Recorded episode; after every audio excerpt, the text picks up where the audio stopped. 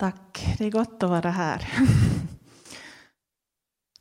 Och jag har valt idag som rubrik för det som jag ska predika här, vägskäl och val. Och det är ju ett så stort område så jag skulle säkert kunna hålla på hur länge som helst. Så jag får be om vishet nu att Herren leder mina tankar och att det som ska komma fram kommer fram. Jag tänkte att vi kunde gå först Timote Timoteus. För idag så är det ju faktiskt val också här i vårt land. Och vi kommer ju då och då till olika vägskäl och till val och det finns olika storlek på de valen. Men jag tänkte att vi ska ta och lyfta upp vad, vad vi kan, hur vi kan liksom enas och be för varandra att det, det rätta ska ske. Också för vårt land här idag. Och som ni har hört här av vittnesbörden som har sagt så, så har bönen stor kraft.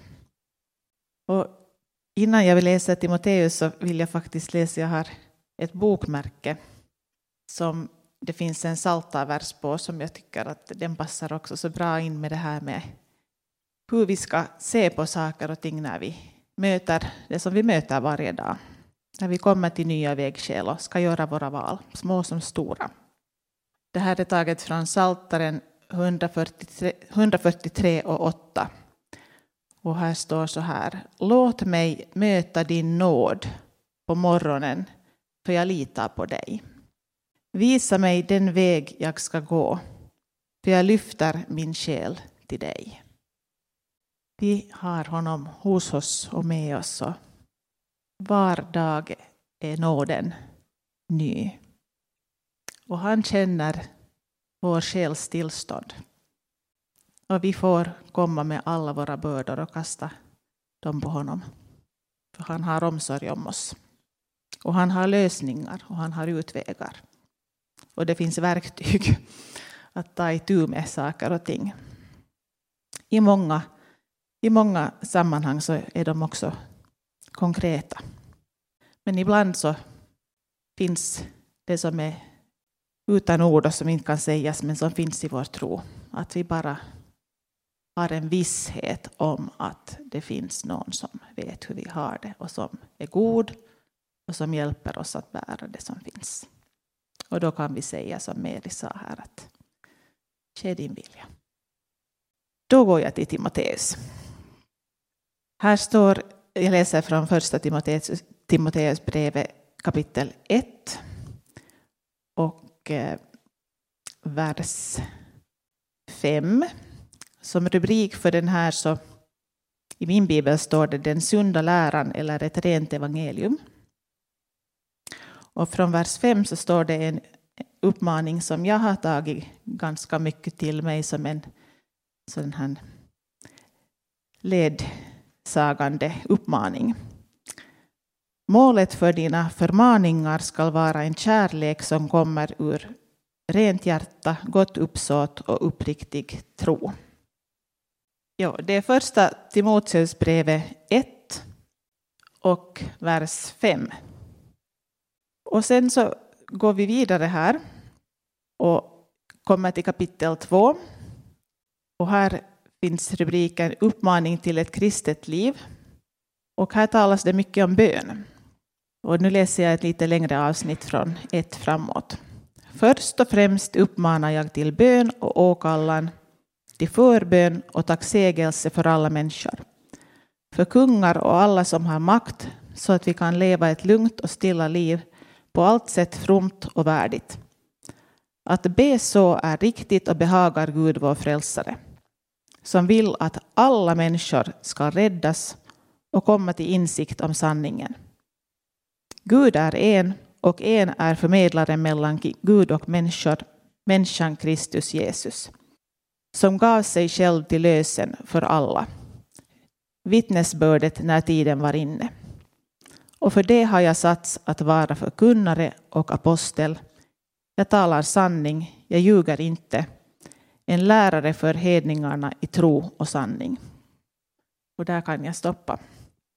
Jag tyckte att det här var så starkt beskrivet.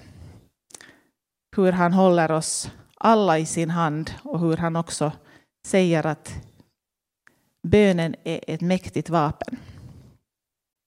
Att Gud vill att alla människor ska räddas. Och han vill att vi ska göra det tillsammans med varandra och tillsammans med honom som Kristi kropp. Så jag tackar dig Jesus för att vi nu får lägga vårt land, den här församlingen och våra liv i dina händer. Och jag säger för min egen del Jesus att jag är så glad att, att jag får vara med. Att jag inte står ensam. Att jag har många vänner. Att jag har en församling som vill stå för dig, som vill peka på dig. Och framför allt Jesus, till vem skulle vi gå om inte vi kunde gå till dig? Jag ber Jesus att det här ska få brinna som en ledstjärna i mitt hjärta. Att, att alltid få vara tacksam över den tro som jag har välsignats med. Och att jag får vara ljus i en mörk värld. Hjälpa dem som du har tänkt att jag ska hjälpa. Och tack Jesus också för att jag får känna en barnslig trygghet och frimodighet i det att egentligen så hänger ingenting på mig. Utan det är du Jesus som är vår räddare och frälsare. Men vi är alla viktiga. Amen. Har ni tänkt på vilket vägskäl korset är? Både om man ser liksom på vägarna och på man tänker det var där som det stora vägskälet faktiskt är. När vi blev räddade tack vare korset återknöts till det som gick förlorat. Jag tycker att det är härligt att Gud talar till oss på så många sätt. Jag ser den här bilden som en väg när jag ser korset. Och man ser så där att Jesus är vägens liksom mittpunkt. Han säger ju också att jag är vägen, sanningen och livet. Ingen kommer till Fadern utom genom mig. Allting är liksom kristalliserat där i korset. För någon vecka sedan så hade jag förmånen att få vara med i pingstpastorkonferensen i Stockholm. Gabbe bjöd med mig dit för att lite få känna på det här med, med liksom ledarskapets sätt att se på saker och ting och att känna på den här pingstmyllan och lite sådär känna för. Och det var jättespännande, mycket folk och mycket givande. Och det är ju en process att tänka sig att, att vara pastor. Det är ett stort kall. Och jag har ju fått många frågor att vad vill du och hur är din väg och vad ska du ta för beslut? Och ibland myllrar det ju bara i huvudet. Men det som, som gör att jag säger mitt ja är egentligen det som jag... det är ju mitt ja till, till Herren. Att Jesus, du är mitt liv. Du är mitt val och jag vill tjäna dig. Och du får, om du vill ha mig här i, i Betania så säger jag ja till det. Det här är en jättekär församling och jag har fått växa här. Jag har fått stångas emot mina egna frågor och tvivel och tankar. Och de har stått vid mig när jag har gått igenom svåra saker och tuffa saker i livet. Och jag är så oerhört tacksam över att inte ha behövt vara ensam i det. Att jag har fått ha dig Jesus och att jag har fått ha människor som verkligen har vågat möta mig. Och jag vill också själv ha en sån tro att att det verkligen är evangelium, det som är ditt ord. Och nu när vi var där på pingstpastorkonferensen så frågades det också av mig så här lite att, att vad är min, mina tankar om det och vad har jag för, för visioner och vad är det som brinner i mitt hjärta. Och då hör jag mig själv säga så här att, att jag har alltid känt på något vis en herdekallelse. Och jag är nog egentligen ingen evangelist men men för mig är det jätteviktigt att, att människorna liksom hittar ett hem och att man ser dem som har farit illa. Och när jag säger det här så hugger det till i mitt hjärta. Och så tänkte jag, vad säger jag? Att jag är egentligen ingen evangelist. Varför säger jag det? Vi kommer ju med, med liksom det bästa budskapet i hela världen. Vi kommer med evangelium om Jesus Kristus som räddning och fräls, frälsning. Varför säger jag att jag egentligen inte är en evangelist? Vi är alla evangelister. Vi är egentligen alla kallade att predika det goda budskapet på olika sätt. Men jag är så tacksam för hur Gud liksom har påmint mig om det här nu de här senaste veckorna. Att, att du är viktig. Och du får vara ett ljus i världen på ditt sätt.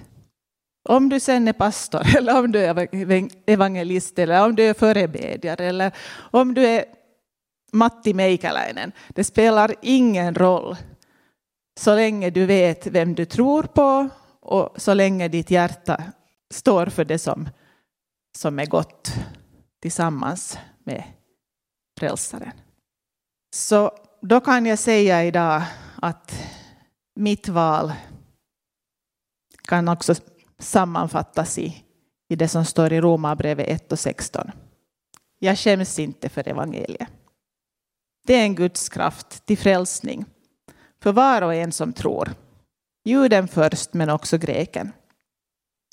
I evangeliet uppenbaras rättfärdighet från Gud av tro till tro, som det står skrivet. Den rättfärdige ska leva av tro. Och så har vi ju missionsbefallningen. När Jesus själv säger Åt mig har getts all makt i himlen och på jorden. Gå därför ut och gör alla folk till lärjungar. Döp dem i Faderns och Sonens och den helige Andens namn och lär dem att hålla allt som jag befallt er. Och se, jag är med er alla dagar till tidens slut. Då blir man frimodig och tänker att jag måste få vara med. Det är inte bara det att hur och när och sånt, utan det blir en brand. Det är därför jag lever här på jorden. Det är mitt livsval. Så det är jättegott. Sen får vi ju komma ihåg att samtidigt så skulle det inte ens vara möjligt om inte Gud först hade valt oss. Så Guds val, Faderns val, var ju att rädda oss tillbaka till sig. Johannes 3 och 16. Så älskade Gud världen att han utgav sin enfödde son för att var och en som tror på honom inte ska gå förlorad utan ha evigt liv. Gud har inte sänt sin son till världen för att döma världen utan för att världen ska bli frälst genom honom. Den som tror på honom blir inte dömd, men den som inte tror är redan dömd eftersom han inte tror på Guds enfödde sons namn. Men Gud visar oss alltså vägen och han visar oss kärlekens väg. Vi älskar därför att han först har älskat oss. Och vårt viktigaste val är ju egentligen att ta emot det erbjudande som han har. I Johannes 1 och 12 till 13 så står det Men åt alla som tog emot honom gav han rätten att bli Guds barn. Åt dem som tror på hans namn. De är inte födda av blod eller, köttets, eller av köttets vilja eller av någon mans vilja utan av Gud. Här ser vi att här var mycket med viljan. Och mycket med vad vi väljer. Väljer vi alltså att ta emot honom? Om vi gör det, om vi säger ett enkelt ja, då får vi rätten att bli Guds barn. Och vi älskas av den goda Fadern och fostras i kärlek. Och här finns den där liksom fantastiska enkelheten i att ha en tro. Jag är ett Guds barn. Han, han älskar mig. Och han fostrar mig. Och jag får vara ett barn, hur gammal jag än blir, så får jag vara Guds barn. Jag har delat upp de här valen egentligen också i några olika vägval. Och lite länka in det till mina egna val, för att jag tänkte att det kan vara bra för er också att få lära känna mig. Och, och vi är ju kallade att vara vittnen. Inte egentligen att, att med våld övertyga någon annan, utan vi är vittnen om det som, som det där Herren har gjort för oss. Och vår tro ska vara en bekännelse av det som vi har själva upplevt. Så jag har fyra vägskäl på min lista här. Och den, det första vägskälet så det har jag kallat att välja trons och överlåtelsens väg. Och det här är ju väldigt personligt. Var och en behöver göra det här valet själv.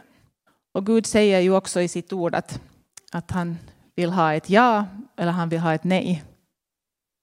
Allt där ute kommer från den onde. Och alla hans löften har fått sitt ja och amen i Jesus. Alltså han är ganska tydlig på det här med ja och nej.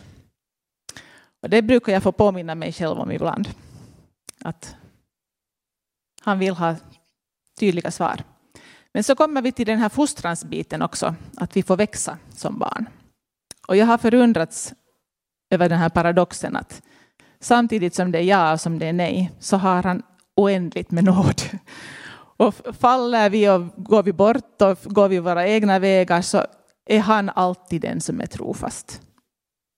Och det skiljer ju också oss så mycket från Gud. Att hur kristna vi än är och hur länge vi än har varit med så är vi människor. Men han är den där trofaste som aldrig sviker och aldrig ger upp. Och det är en sån barnets förvissning och trygghet om att yes, han är min pappa. Det är så gott att veta det. Så jag har en sån här grundtrygghet i mitt liv där jag känner att jag får vara Guds barn. Älskad, känd och godkänd. Och det är en fantastisk grund att få stå på det. Sen har vi vägskäl nummer två som jag tycker att är en jätteviktig bit också. Som jag kallar så här att välja förlåtelsens väg. Det är också både ett vägskäl där man säger ja och nej i frälsningen, tar emot Guds förlåtelse. Men samtidigt så är det också den där processen längs med livets gång. För vi behöver säga förlåt. Förlåta oss själva, förlåta andra, vända oss om till Gud. Gång på gång. Det blir en livsstil. För mig så har det varit jättegott att ha de här bibeltexterna som handlar om den gode herden. Och också har jag fascinerats mycket av Petrus i Bibeln som har den här herdekallelsen. och som har fått stångas och falla och blivit upprättad och vara precis liksom så mänsklig i allt det här. Det handlar så mycket om förlåtelsen. Att även om du faller, så när ditt hjärta vill och när ditt hjärta brinner, så finns det upprättelse och det finns en väg som blir bara liksom starkare i och med det att han får hela dig, upprätta dig och så får man ge vidare det goda som man har gått igenom själv. Jag ska läsa den gode herden från Johannes 10, för jag tycker att den har så många, många viktiga bitar. Jag säger er sanningen. Den som inte går in i fårfällan genom porten utan tar sig in från annat håll, han är en tjuv och en rövare. Men den som går in genom porten är fårens herde. För honom öppnar portvakten och fåren lyssnar till hans röst. Han kallar på sina får och nämner dem vid namn och för ut dem. När han har fört ut alla sina får går han före dem och fåren följer honom eftersom de känner hans röst. Men en främling följer de inte utan flyr från honom för de känner inte främlingars röst. Denna liknelse berättade Jesus för dem, men de förstod inte vad han ville säga dem. Då sa Jesus än en gång, jag säger er sanningen, jag är porten till fåren. Alla som har gått före mig är tjuvar och rövare, men fåren har inte lyssnat till dem. Jag är porten, den som går in genom mig ska bli frälst, och han ska gå in och gå ut och finna bete. Tjuven kommer bara för att stjäla, slakta och döda. Jag har kommit för att de ska ha liv och liv i överflöd. Jag är den gode herden. Den gode herden ger sitt liv för fåren. Den som är lejd och inte är herden som äger fåren, han överger fåren och flyr när han ser vargen komma. Och vargen river dem och skingrar jorden. Den som är lejd bryr sig inte om fåren. Jag är den gode herden. Jag känner mina får och mina får känner mig. Liksom Fadern känner mig och jag känner Fadern och jag ger mitt liv för fåren. Jag har också andra får som inte hör till den här follan. Också dem måste jag leda och de kommer att lyssna till min röst. Så ska det bli en jord och en herde. Fadern älskar mig därför att jag ger mitt liv för att sedan ta det tillbaka. Ingen tar det ifrån mig, utan jag ger det av fri vilja. Jag har makt att ge det och jag har makt att ta tillbaka det. Det budet har jag fått av min far. Jesus leder oss alltså som den gode herden på kärlekens väg. Och vägskälen är en del av livet. Men vi är inte ensamma eller utlämnade. Och Jesus visar också sitt exempel i det här med att göra val. Att han har använt sin fria vilja att göra Faderns vilja. Det står ju uttryckligen här i Johannes 10.18. Ingen tar det ifrån mig, utan jag ger det av fri vilja. Och när vi blir Jesus efterföljare så överlåter vi oss i vår tur till honom som är kärleken. Och vi väljer då att låta Jesus vara vår goda herde. Det här visar på att vår tro det är en personlig kärleksrelation med den levande guden. Och den här relationen den är pågående. Liksom livet är pågående. Och det är jätteviktigt. I Jesaja 53 och 6 så står det Vi gick alla vilse som får, var och en gick sin egen väg, men all vår skuld lade Herren på honom. Och vidare så läser vi i första Petrusbrevet 2, 21-25 att till detta är ni kallade. Kristus led i ert ställe och efterlämnade ett exempel åt er för att ni ska följa i hans fotspår. Han hade inte begått någon synd och inget svek fanns i hans mun. När han blev hånad svarade han inte med hån. När han fick lida svarade han inte med hot, utan han överlämnade sin sak åt honom som dömer rättvist.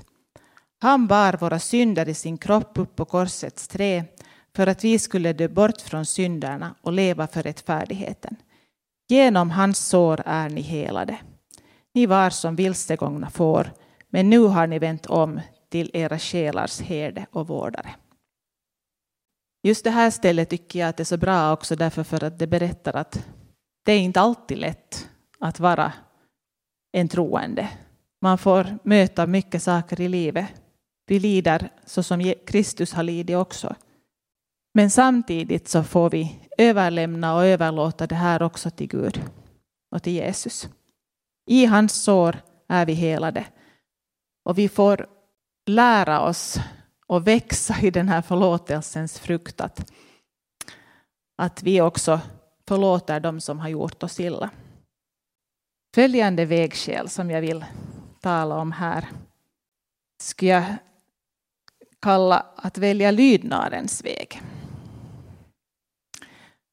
Det här är en personlig kallelse, en, en kollektiv kallelse också. För att då börjar det komma det här också som, som Petrus och Jesus. Den relationen som beskrivs i Johannes 21.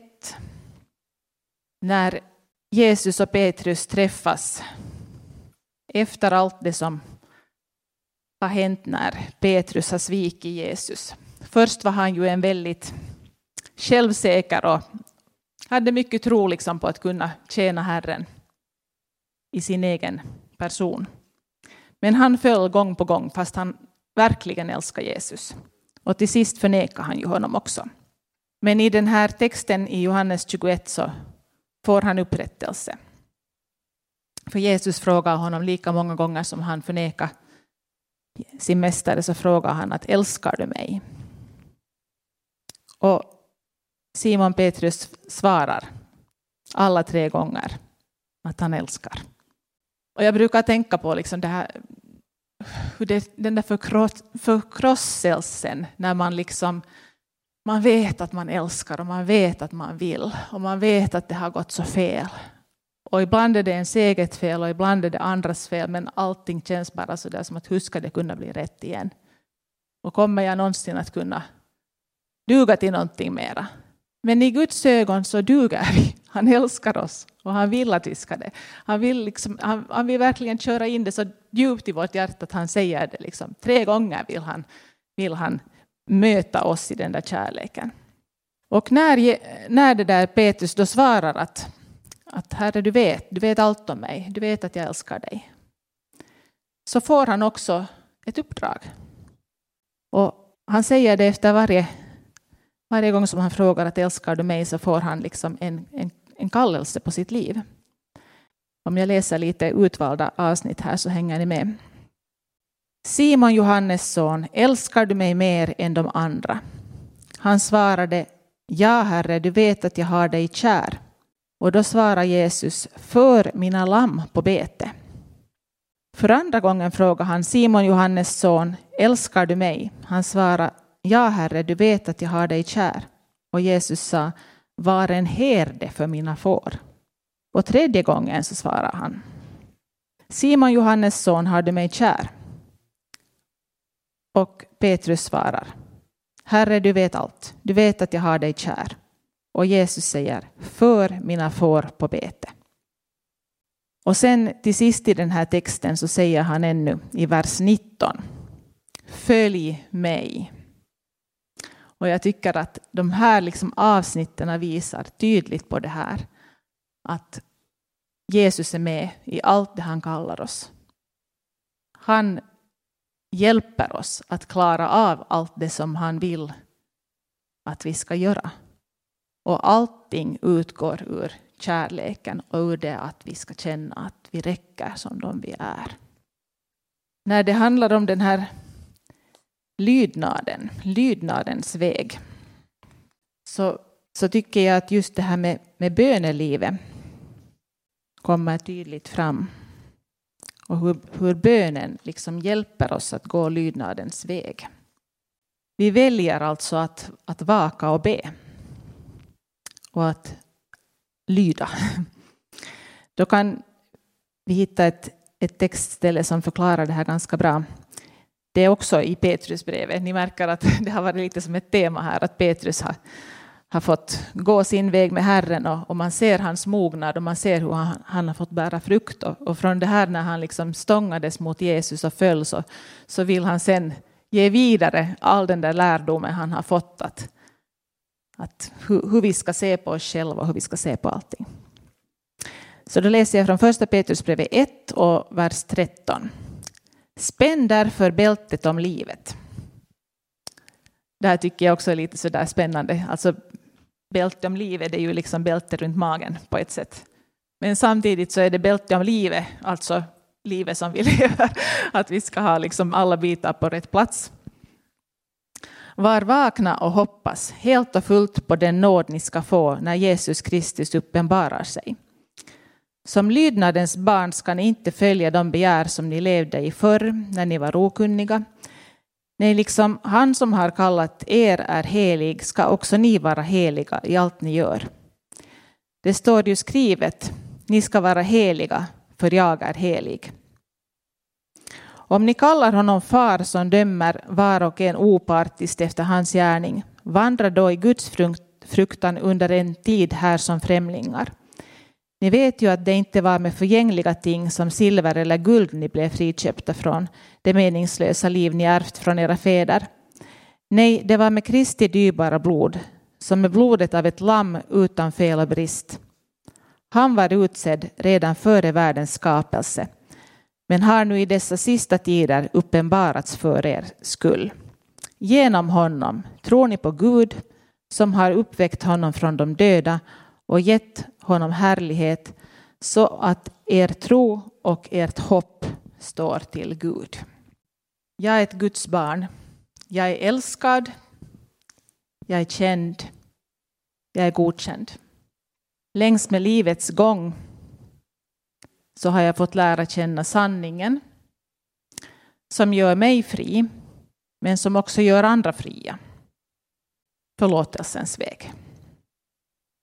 Och det här gäller ju både i det naturliga och i det övernaturliga.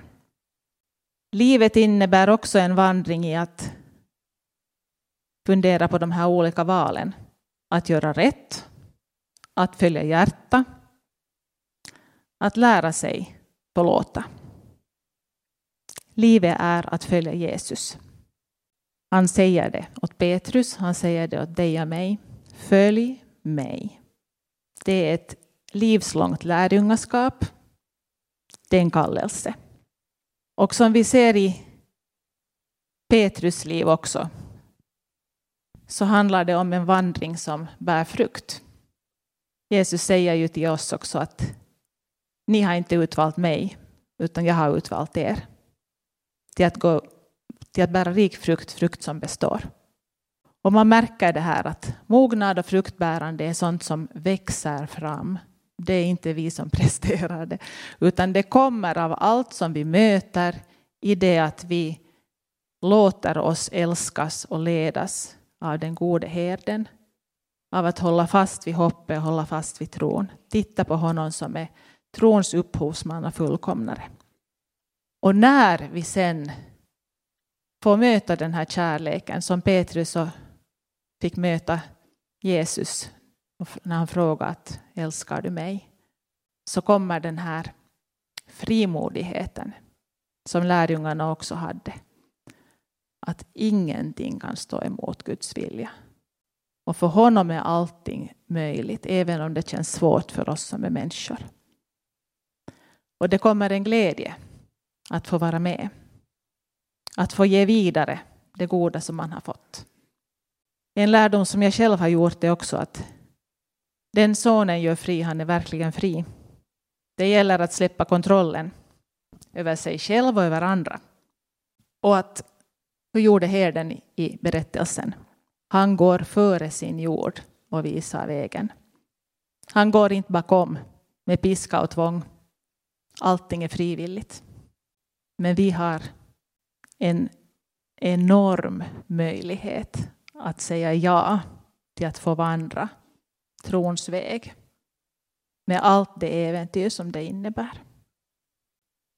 En sista tankemening som jag hade fått ha med mig här under den här processen. Jag har tänkt så här.